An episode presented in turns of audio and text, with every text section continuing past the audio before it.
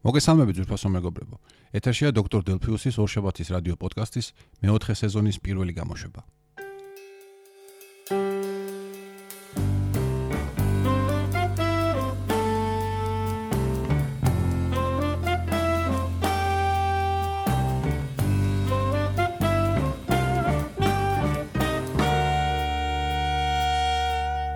მაშასე ძალიან ძალიან დიდი ხნის განმავლობაში არ ჩამიწერია ჩემი გადაცემა.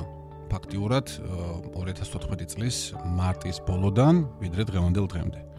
ამის ძალიან ბევრი მიზეზი არსებობდა, ობიექტური, სუბიექტური. მოკლედ შეიძლება ითქვას, რომ 2014 წელი არც თუ ისე წარმატებული წელი იყო ჩემთვის, გარკვეულწილად. ეს არ ეხება არც სამსახურს, არ ეხება არც რაიმე პირად ურთიერთობებს და ასე შემდეგ. მოკეთ მე შემექნა გარკვეული სახის პრობლემები, რომელზეც სამწუხაროდ აქაც ვერ ვილაპარაკებ. რის გამოც მე რამოდენიმე თვის განმავლობაში არ მქონდა ჩემი ტექნიკა, არანაირი, პირადი, პირადზეა საუბარი, პირად კომპიუტერებზე, პირად ტაბლეტზე და ასე შემდეგ და ასე შემდეგ. მაგრამ ყველაფერი კარგად დასრულდა. და 2014 წლის ნოემბერში მთელი ეს ტექნიკა მე დამიბრუნდა უკან. რისთვისაც უღმესი მადლობა ყველა იმ ადამიანს, ვინც აა ამ საკითხის ასეთი სახით დასრულებაზე იზრუნა. მეტი ამ საკითხზე ვერაფერს ვერ ვიტყვი. ფაქტია, რომ თითქმის 7 თვის განმავლობაში გადაცემა არ გასულა ეთერში. თუმცა მას ყავდა საკმაოდ ბევრი მსმენელი. აა იყო მოწონებებიც, იყო კრიტიკაც, მოკლედ გარკვეული სახის ურთიერთქმედება ჩემსა და მსმენელს შორის არსებობდა. მე გადავწყვიტე, მე შემეძლო რასაკურველია დეკემბრის თვიდანაც დამეწყო 2014 წლის დეკემბრის თვიდანაც დამეწყო ამ გადაცემის ხელახალი ჩაწერა, მაგრამ გადავწყვიტე რომ უმჯობესი იქნებოდა, ну ისე სადაც ამდენი კიდევ ერთი თვეც მოგვეთმინა და 2015 წლის პირველივე სამუშაო ორშაბათ დღეს ჩამეწერა პირველი გამოშვება. აა მანამდე ასე ვთქვათ, პირობითად დავარქვათ, სამი სეზონი ჩავწერე. სეზონებში სამწუხაროდ ეპიზოდების რაოდენობა სხვადასხვა იყო. ამიტომაც დღეიდან აა ვიწყებთ ახალი ტიპის ათვლას.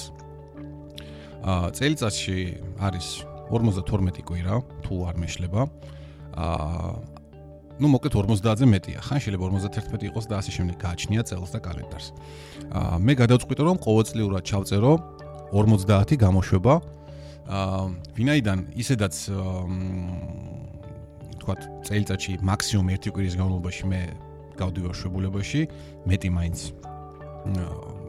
ბეზრდება ხოლმე და ისო მიჩვენია თბილისში დაუბრუნდე და ამიტომაც ის ერთი კვირა, ან თქვა იმის შემდგომ ან მანამდე კიდევ ერთი კვირა იქნება ხოლმე გამოტოვებული. დანარჩენი იქნება ეს გაზაფხული, იქნება ეს ზაფხული, შემოდგომა თუ ზამთარი, გადაცემა გავა ყოველთვის ყოველი კვირის ორშაბათ დღეს საღამოს აი ამ დროს.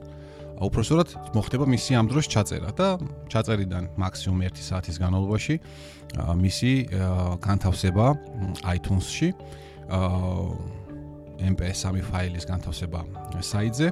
მოკლედ, სადაც თქვენთვის უფრო მოსახერხებელი იქნება, იქ შეძლებთ ამ გადაცემის მოსმენას. აა მოდი ახლა ცოტათი გადავალოთ თვალი 2014 წელს, თუ რა ხდებოდა ჩემს გარშემო იმ იმ საკითხის გარდა, რაზეც აა საუბრი საუბრისგან თავს ვიკავებ. აა და რა სავარაუდო გეგმები შეიძლება მქონდეს მომავალი 10 უკვე მიმდინარე წლისათვის, 2015 წლისათვის. აა პირველი ყველაზე საინტერესო ჩემთვის რაც მოხდა 2014 წელს არის ის რომ მე იმის გარდა რომ ილიას სახელმწიფო უნივერსიტეტში ვმუშაობდი და ვმუშაობ დღესაც და იმედია რომ კიდევ ძალიან დიდი ხნის განმავლობაში ვიმუშავებ აა მე გავხდი ლექტორიც ისევ ამავე უნივერსიტეტში. რასაკურველია საგანი რომელსაც მე ასე ვთქვათ ვკითხულობ ისევ და ისევ გამოთვლი ტექნიკა შეეხება, ისევ და ისევ აა კომპიუტერებს, სხვადასხვა პერიფერიულ მოწყობილობებს. მოკეთ საგანს ქვია შესავალი საინფორმაციო ტექნოლოგიებში. იკითხება პირველ კურსზე, პირველ კურსელთათვის. აა ეს არის ის საწყისი საბაზისო ფუნდამენტალური ინფორმაცია, რომელიც ვფიქრობ, რომ სტუდენტებს უკვე ზედა უფროს კურს ზედა ასე ვთქვათ, სწავლების საფეხურზე უფრო მეტად გაუადვილებს სხვა უფრო რთული საგნების შესწავლას, რომელიც ისევ ისევ და ისევ ამ თემასთან არის დაკავშირებული. თავიდან სიმართლე გითხრათ, საკმაოდ ესეთი დაძაბული და ცოტათი შიშის გზნობაც მქონდა.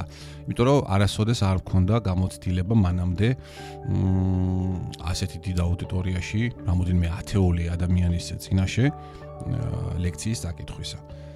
კი, რასაკვირველია იყო თელ ჩემი ცხოვრების განმავლობაში მომენტები, როდესაც ვიღაცისთვის მისწავლებია კომპიუტერი, მისწავლებია თქვა ორი ადამიანისთვის ერთდროულად, მაგრამ როდესაც აუდიტორიაში ზის 30-35 სტუდენტი, ასეთი შემთხვევა პირველი იყო.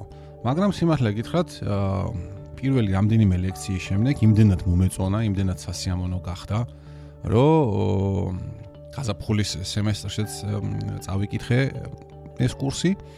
აი ხალ შემოდგომის სემესტრზეც 2014-2015 წლების სემესტრშიც ვკითხულობ და იმედი მაქვს, რომ 2015 წლის გაზაფხულის სემესტრისათვის, რომელიც სადღაც თუ არ ვცდები მარტში უნდა დაიწყოს, აუცილებლად კლავ წავიკითხავ აღნიშნულ კურსს და იქნებ შემდეგი რაღაც კიდე უფრო რთული კურსებიც მოვამზადო. ან უკვე არსებული კურსები დავიაზრო ჩემებურად და სხვა ჩემს მეგობრებთან ერთად, ლექტორებთან ერთად მეც ასევე წავიკითხო. მოკეთ აი ეს იყო ერთ-ერთი ყველაზე მნიშვნელოვანი მომენტი 2014 წლისათვის სამსახურეობრივი თვალსაზრისით ერთ-ერთი. კიდევ მოდი ცოტათი ახლა ილეონიზე ვისაუბროთ, მე სხვა თემებზე გადავიდეთ.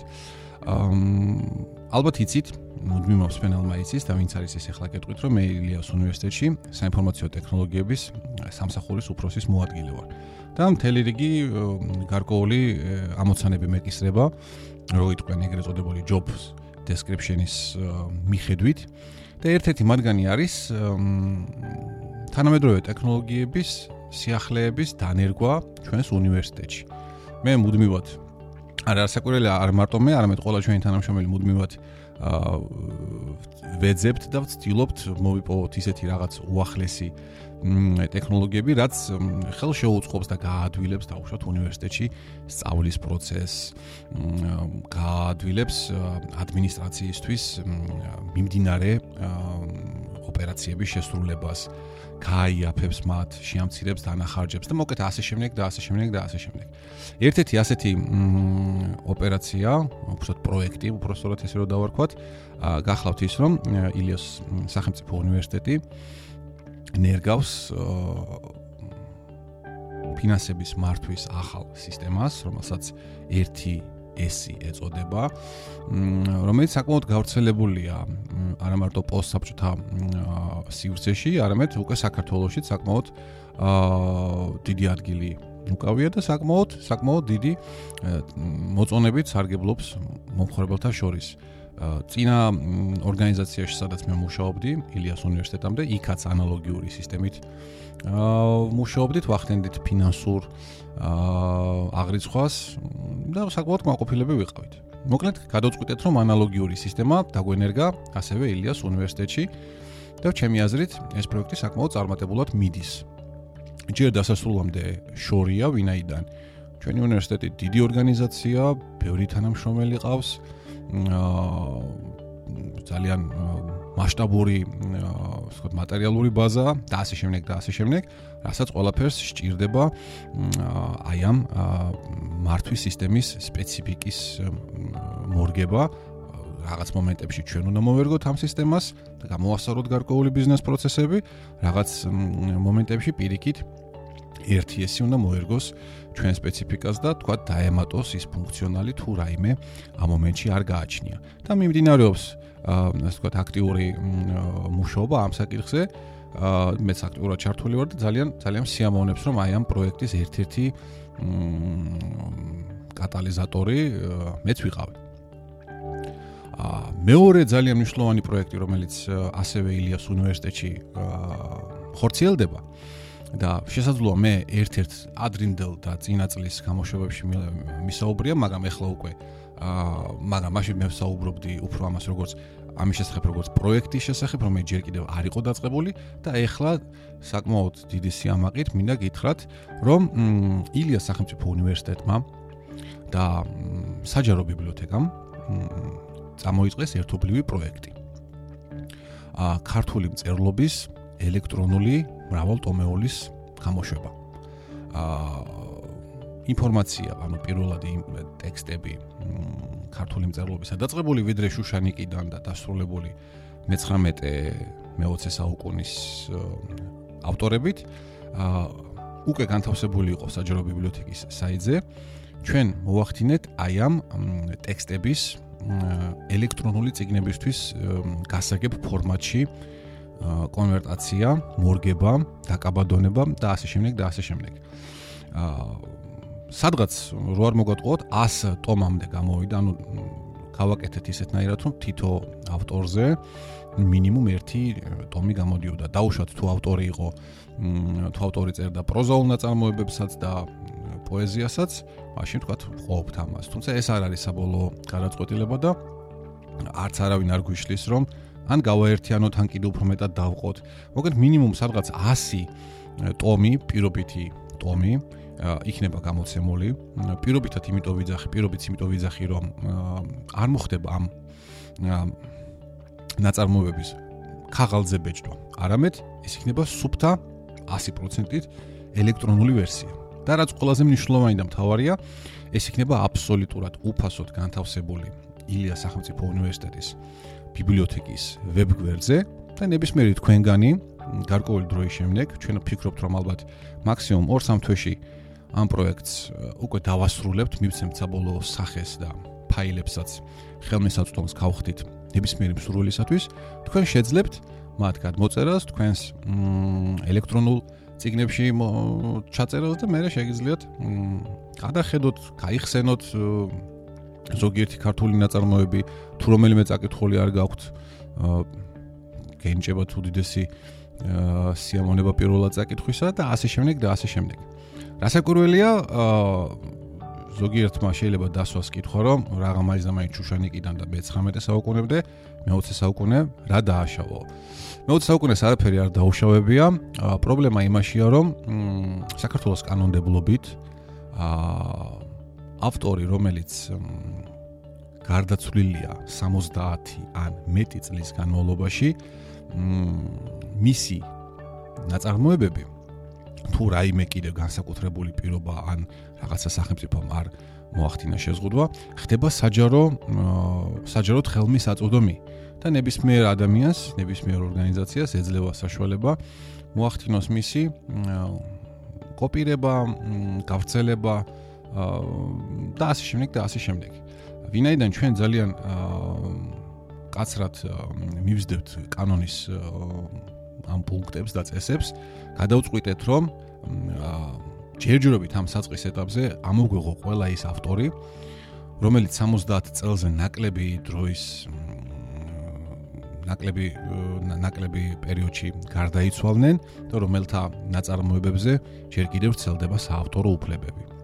რასაკვირველია ჩვენ მაქსიმალურად ვეცდებით ასეთ ავტორების შთამომავლებთან ან იმ ორგანიზაციებთან რომელთაც შესაძლოა ჰქონდეთ მიღებული შთამომავლებისაგან ექსკლუზიური პირობები ან რაიმე სხვა სახის პირობები მოვახდინოთ მოლაპარაკება რომ თუ ყველა ესეთი ავტორი არა რაღაც გარკვეული მათგანის გარკვეული რაოდენობით ნაწარმოებები ასევე გავხადოთ ხელმისაწვდომი ნებისმიერი თქვენგანისათვის. როგორ და რანაირად გამოვა და ან საერთოდ გამოვა თუ არა პროექტის ეს ნაწილი ჯერჯერობით უცნობია და ამიტომაც ბევრს ვერაფერს ვერ გეტყვით.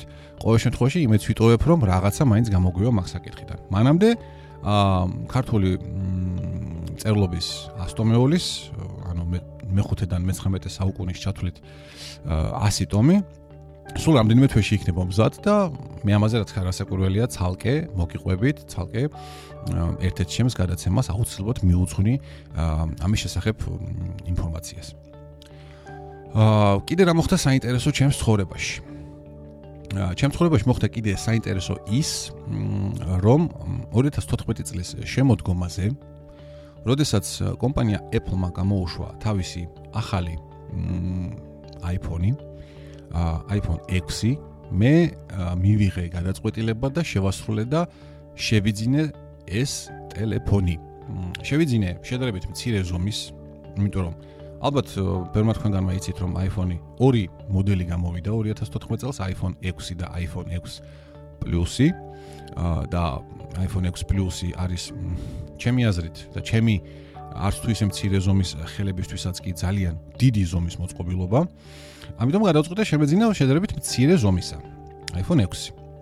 მაგრამ ეს მცირე ზომა იმ ჩემს უძველეს უკვე 4 წლის წინანდელ iPhone 4-თან შედარებით ძალიან გიგანტური იყო და რო არ მოგატყუოთ 1-2 კვირა დამჭირდა იმისათვის რომ მივჩვეულიყავი ხელი ხელი მივჩვეულიყო და ხელის მცირე მოტორიკა მიჩვეოდა იმას, რომ ხელში მეჭირა არა iPhone 4, არამედ iPhone 6, რომელიც საკმაოდ განსხვავდება მისგან ზომით. შევიძინე აა ნაცრისფერი, ნუ კოსმიურ ნაცრისფერს რო ეძახიან, Space Gray და გადავწყვიტე რომ 16 გიგაბაიტიან მოდელებისთვის წერტილი დამესვა. ამიტომაც შევიძინე 64 გიგაბაიტიანი მოდელი და ნამდვილად არ ვნანობ იმიტომ რომ დავისვენე იმ კოშმარისაგან, რასაც ქვია მობილურ მოწყობილობაში დისკური სივრცის აორთქლება და გათავება. თანაც თუ გავითვალისწინებთ იმ ფაქტს, რომ კომპანია Apple-მა 2014 წელს საკმაოდ ბევრი და საკმაოდ უხეში შეცდომა დაუშვა და ძირითადად ეს შეცდომები ეხება მის პროგრამულ უზრუნველყოფას, ა დიდი ზომის მოწყობილობა ძალიან ძალიან საჭიროა. და რატომ? პირველად iOS-ის ისტორიაში ა აღნიშნული მობილური საოპერაციო სისტემა იმდენად დიდ ადგილს მოითხოვდა. ჯერ ინსტალაციის დროს, ანუ ითხოვდა თავისუფალ ადგილს, რათა ის გაშლილიყო და აი ამ რამდენიმე გიგაბაიტს, ხანახან 5 გიგაბაიტამდე წადიოდა მოთხოვნა გასაკვირველი ამდენს მე არ იკავებდა, მაგრამ ყოველ შემთხვევაში ინსტალაციის დროს ამდენი ესეჭიროებოდა. მაგრამ მეორე პრობლემა ის არის, რომ ინსტალაციის დასრულების შემდეგ, განახლების დასრულების შემდეგ უკვე დაყენებული საოპერაციო სისტემა მინიმუმ ორჯერ უფრო მეტ ადგილს იკავებს, ვიდრე iOS-ის წინამორბედები. რამაც რასაკვირველია, ძალიან აღაშფოთა მომხმარებელი და მათ შორის მეც, ვინაიდან მართალი iPhone 6-ზე მაქვს 64 გიგაბაიტი, მაგრამ სამსახურის iPad mini-ზე მაქვს სულ 16 გიგაბაიტი, რომელიც iOS 8-ზე განახლების შემდეგ 16-დან ну, იყო მანამდე სადღაც 13 გიგაბაიტი iOS 7-ის 7-ის პერიოდში 13 ნახევარი. ეხლა ჩამოვიდა სადღაც 11 11 ნახევარ გიგაბაიტამდე. რაც რასაკვირველია, მ არანაირად არ აკმაყოფილებს ჩემს მოთხოვნებს, ვინაიდან 11 გიგაბაიტი თანამედროვე აპლიკაციების ზომების გათვალისწინებით ძალიან ძალიან ცოტაა. მე ახლა რასაკვირველი არ შემიძლია სამსახურს უთხრა ვიცით რა მე ეს 16 გიგაბაიტი არ მყოფნის ამიტომაც მოდით ახალი შემიძინეთ. რასაკვირველი არა. მე შეძლებს დაგვარად ვაყოფილდები ნუ პრინციპში პრობლემა არ არის უბრალოდ გარკვეული აპლიკაციების დაყენებაზე და ჩაწერაზე უარი განვაცხადე რითაც დავზოგიერთ 3-4 გიგაბაიტი. რაც არანაირი ძირითადი მასა, ძირითადი აპლიკაციების ძირითადი მასა, რაც მე მესაჭიროება, იკავებს სადღაც 3-4 გიგაბაიტს და 5-6 გიგაბაიტი თავისუფალი მაინც რჩება სისტემაში. აა მოკლედ, iOS-ი, iOS 8 და Yosemite Apple-ის სამაგიდე კომპიუტერების საოპერაციო სისტემა სიმართლე გითხრათ, არც თუ ისე სახარბიელო ხარისხის გამოვიდა. იყო ძალიან ბევრი პრობლემები, რადგან რასაკვირველია თქვენ უკვე მილიონჯერ გაქვთ მოსმენილი და ეხლა მე აქ არ დავიწყებ ამის ხელახლა გამეორებას. აა მაგრამ სამაგიეროდ მინდა შევჩერდე რამოდენიმე სიტყვით უშუალოდ ჰარდვერზე, ანუ iPhone 6-ზე. აა როგორც უკვე თავში ვთქვი, ჩემთვის ძალიან რთული მისაჩვევი იყო და ახლობით ორი კვირა დამჭირდა იმისთვის, რომ ზომებს მივჩვეოდი. სამაგიეროდ დღეის მდგომარეობით ვინმე რომ მითხრას რომ ეხლა თქვა ეს გადააგდე ან შეეშვი მის გამოყენებას და ისევ დაბრუნდი. არა თუ თქვა iPhone 4-ზე რომელსაც 3.5 დიუმი აქვს ეკრანი. არამედ თქვა iPhone 5-ზე, 5S-ზე ან 5C-ზე რომელსაც 4 დიუმი აქვს. ნამდვილად ვერ დავეთანხმები ვინაიდან თვალი ძალიან მიეჩვია. აა აქაც და აქვე მინდა გავაკეთო ერთი შეიძლება საზეიმო, შეიძლება ზოგისთვის საქილიკო განცხადება იმის შესახებ, რომ სტივ ჯობსი შესაძლოა ყოველთვის არ იყო მართალი იმასთან დაკავშირებით, რომ დაჟინებით მოითხოვდა მხოლოდ სამნახევარ დიუმიანი ეკრანის მობილურების გამოშვებას. ეს ეგრეთ ეგრეთ წოდებული coming out-ი გავაკეთე ახლა მე ამ საკითხთან დაკავშირებით, თუმცა სხვაგანაც აღმინიშნავს. და შემეძლია სრული პასუხისმგებლობით თქვა, რომ დიდი ზომის smartphone-ი, ოღონდ გარკვეულ დონემდე დიდი ზომის და არა უსაშველოდ და უპრაკონოდ გადიდებული მართლაც უფრო მოსახერხებელია ვიდრე აი ესეთი მინიატურული სამნახევარი ან 4 დიუმიანი ეკრანი. iPhone 6, რომელიც მე მაქვს, აქვს 4.7 დიუმი. აა მე პირადად ის სრულიად მაკმაყოფილებს. რაც შეეხება აპარატურულ შემადგენელს, ჩემი პირადი შტაბეჭდილებით, გამოცდილებით და ასე შემდეგ და ასე შემდეგ, აპარატს ნამდვილად წონი არ დაედება, ის ის ძალიან სწრაფად და სტაბილურად მუშაობს. აა ინტერფეისი განსხვავებით Android-ისგან, რომელიც დღემდეც კი აა ვერ გამოირჩევა შესაშური სისტრაფით, ну, შეგვიძლია Lollipop-ზე უკვე ვთქვათ, რომ აი ხო ლოლიპოპში მოახერხეს და მიაღწიეს გარკვეულ სინარნარეს, აი პლავნასი ეგრეთ წოდებული სმუს. აა თორე წინა ვერსიებში რეალურად ნამდვილად არც თუ ისე სახარბიელო სიტუაცია იყო ამ თვალსაზრისით. ამ მიმართულებით iPhone 6 უზადოა. корпуსში, корпуსთან დაკავშირებით მაქვს ერთადერთი შენიშვნა, ისევ და ისევ რაც ალბათ ძალიან ბევრ სხვა ადამიანს ის რომ აა ის კანტები, რომლებიც ტელეფონს უკნიდან დაყვება, ძალიან არაესთეტიურია. ძალიან არაეფლისტურად არის გადაწყვეტილი ეს ეს მომენტი, ეს ნიუანსი გვესმის რომ იქ ანტენებია განთავსებული, გვესმის რომ ეს ინჟინრული თვალსაზრისით აუცილებელი იყო, მაგრამ ვფიქრობ რომ Apple-ის დონე კომპანიას უნდა შეეძლოს ასეთი სიტუაციების უფრო ელეგანტურად გადაწყვეტა. ეს არის ძალიან ნაჯახით ნაჩეხი გადაწყვეტილება, რომელიც მე არ მომწონს პირადად. ამიტომაც შევიძინე გარკვეული ესეთი ნახევრად გამჭვირვალე შალითა და რომელმაც ხოთაშორის დაახლოებით 5-6 დღის წინ ტელეფონი გადამერჩინა სერიოზულ დაზიანებას. ვიყავით რესტორანში, ვქეიფობდით და ერთ-ერთი ჩემს გვერდით ვჯდომ ადამიანს, შემთხვევით ხელი წაეკრა ჩემს ტელეფონზე. ტელეფონმა მოახდინა სკუპი 1 მეტრის სიმაღლიდან და კიდევ კარგი რომ არა ეკრანით დაეცა, არამედ წიბოთი და შალითა, ეს სილიკონის შალითა გაიბზარა იმ ადგილას, მაგრამ ტელეფონი გადაგვარჩა. რაზეც რა თქმა უნდა დიდი მადლობა ამ შალითის გამოშვებს, სულ რაღაც 5 დოლარიანი кейსი იყო, შალითა кейსი ჩიხოლი, როგორც გაგეხარდებათ ისე ვთქვათ. აა და ტელეფონიც განაგზობს მუშაობას შესანიშნავად ყოველგვარი ნაკაწრის გარეშე. აა შაითას აღენიშნება საბრძოლო ჭრილობები. ამაზეც დავწერე მე Facebook-ში სტატუსის სახით და ყველანი მაყოფილები ვართ. აა შემდეგი საკითხი, რაზეც მინდა აა კიდე გავამახვილო თქვენი ყურადღება. აა ალბათ იცით, ვინც ადრინდელი მსმენელები ხართ, დაახლებს ვეთყვი რომ ეს პოდკასტი ძირითადად შეეხება იმ საკითხებს, რომლებიც მე მაინტერესებს, მომწონს, მაღელვებს, და ასე შემდეგ, რაც ჩემი თვალთახედვის არეალში ხდება. გარდა ორი თემისა, რომელზეც მე არასოდეს არ საუბრობ სხვების თანდასწრებით, ეს არის პოლიტიკა და რელიგია და ვფიქრობ, რომ ეს თემები ჩვენს პოდკასტში და ისევე რომ ასევე სხვა პოდკასტებში, რომელშიც მე ვიღებ მონაწილეობას, არასოდეს არ გაჟღერდება. ეს ჩემი პრინციპია და გარკვეულ მომენტებს ეფუძნება, რაზეც ახლა დღეს აღარ გავამახვილებ ყურადღებას. აა თემა რაზეც მინდა ვისაუბრო არის ის რომ კომპიუტერი, ჩემი Mac-ი, რომელიც დამიბრუნდა, აა უკვე საკმაოდ მოძველებულია. ის არის 2009 წლის მოდელი. მასში არის უკვე საკმაოდ ძველი პროცესორი Core 2 Duo. მასში არის საკმაოდ ძველი ვიდეო აპარატი. აა Nvidia 9600. მართალია მე გასულ ზამთარს აა 4 გიგაბაიტიდან 8 გიგაბაიტამდე გავუზარდე ოპერატიული მეხსიერება. არა, მე მგონი 4-დან კი არა. უკაცრავად 2 გიგაბაიტიდან 4 გიგაბაიტამდე გაუზარდე ოპერატიული მეხსიერება და მისთვის სრულიად საკმარისი იყო, მაგრამ დადგა მომენტი, როდესაც ის ყველაზე ბოლო ვერსია Yosemite საოპერაციო სისტემა მართალია ჩემთან ეშვება, მაგრამ უკვე უკვე სერიოზულ პრობლემებს განვიცდი მასთან მუშაობისას.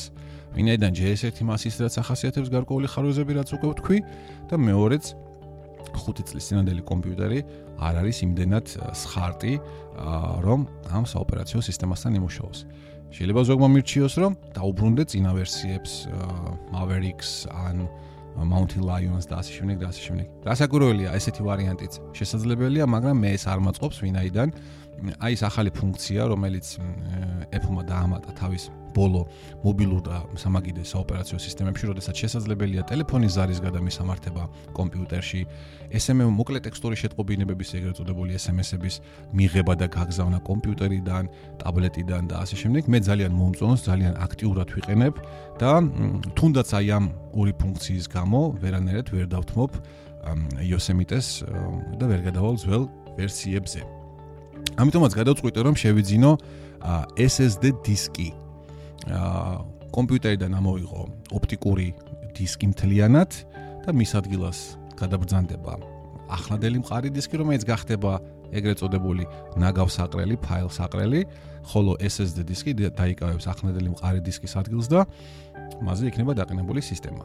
საბოლოო ბევრი ძებნის, ბევრი არჩევის ჭოჭმანის და კონსულტაციების შემდეგ გადავწყვიტე რომ შევიძინო 250 გიგაბაიტიანი Samsung Evo 840, რომელიც Amazon-ზე 127 თუ 128 დოლარი ღირს და ერთ-ერთი საუკეთესოა თავის კლასში. ეს არ არის ყველაზე მაღალი, მაგრამ საშუალოზე მაღალი ხარისხით ნამდვილად გამოირჩევა და ასევე საშუალოზე მაღალი სიჩქარეებით ჩაწერაზეც და წაკითხვაზეც. მოკლედ შეკვეთა უკვე განთავსებულია და სადღაც ამ თვის ბოლოსთვის ყველაფერი ჩამოვა რაც საჭიროა აი ესეთი მასშტაბური განახლებისათვის. მე რასაკვირველია, რასაკვირველია დიდი სიამოვნებით გამოვცვლიდი მთლიანად კომპიუტერს, ამას გავყიდდი და შევიძენდი 2014 წლის MacBook Pro-ს, რომელშიც უკვე არის SSD დისკი.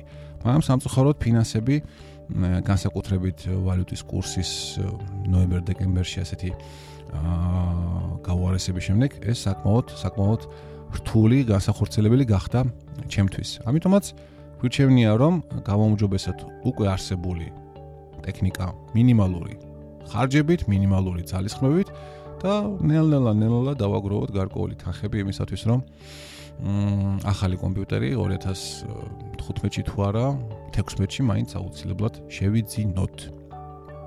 აი ასე მეგობრებო, აა ზუსტად აი ამ კომპიუტერზე ხდება ახლა აი ამ პოდკასტის ჩაწერა და მასზე მოხდება ასევე იმ სხვა პოდკასტების ჩაწერა, რომელიც დაგეგმილი მაქვს 2015 წელს. ამის შესახებ ჩვენ შემდეგ შემდეგი ორშაბათის გამოშვებაში ვისაუბრებთ. მანამდე კიდევ ერთ თემას მინდა შევეხო. 2014 წელს მე საკმაოდ აქტიურად დავიწყე გემოგის ჩვენი მაკის მოხარებელთა ჯგუფის Facebook გვერდის განვითარება. დავიწყე მისი როგორც შიქთავსით ეგრეთ წოდებული კონტენტით შევსება, ასევე გავაჩაღე საკმაოდ აქტიური სარეკლამო კამპანია Facebook-ზე, რის შედეგადაც ფაქტიურად რაღაც 20-40 კაციდან, ლაიქერიდან, ანუ დამლაიქებლიდან დღეისთვის მომხმარებელთა რაოდენობა 12000-ზე მეტი არის. და ეს არც თუ ისე დიდ თანხებთან იყო დაკავშირებული დღეში 1 დოლარიანი სარეკლამო კამპანიების საშუალებით. ძალიან ეფექტური აღმოჩნდა ეს ყველაფერი. პლუს ამისა ადამიანები რომლებიც ალაიქებენ იწონებენ უფრო ქართულად რო ვთქვათ გემოგის Facebook გვერდს რომლის სახელია დაბა კუპერტინო შეგიძლიათ აი ესეთი სახელით მოძებნოთ, ვისაც ჯერ არ გაქვთ ნანახი და ვისაც ჯერ არ გაქვთ მოწონებული. აა აქ არ არიან, რაც თავარიან მყარი სულები. ეს არც ერთი ეს ლაიქი ეგრეთ წოდებული არ არის შეძენილი შაუბაზარზე, არამედ უშუალოდ ნამდვილად Facebook-ის სარეკლამო არხების საშუალებით მოხდა მათი მომატება. აა გვერდი თვითონ აა გემოგ G ასევე განიცდის ამ ეტაპზე და ალბათ ახლობით ერთ კვირაში 10 დღეში დავასრულებთ ტრანსფორმაციას, შეიძლება მთლიანად დიზაინი, შეიძლება სტატიების სტრუქტურა, სიახლეების, იქ გვერდების, მოკლედ ძალიან ძალიან ბევრი სიახლე გვაქვს დაგეგმილი ამ რესურსზე და იმედს ვიტოვებ, რომ ყოველას მოგეწონებათ, ну თუ ყოველას არა, უმრავლესობას მაინც, ვინაიდან ძალიან ბევრ ენერგიას და ძალიან ბევრ აა ასე ვთქვათ, სულს ვდებ ამ საიტშიც, Facebook page-შიც, გვერდშიც და ასე შემდეგ და მინდა რომ ეს ეს რესურსები იყოს ერთ-ერთი ყველაზე მეტად პოპულარული Apple-ის თემატიკაში საქართველოს საქართველოს ტერიტორიაზე.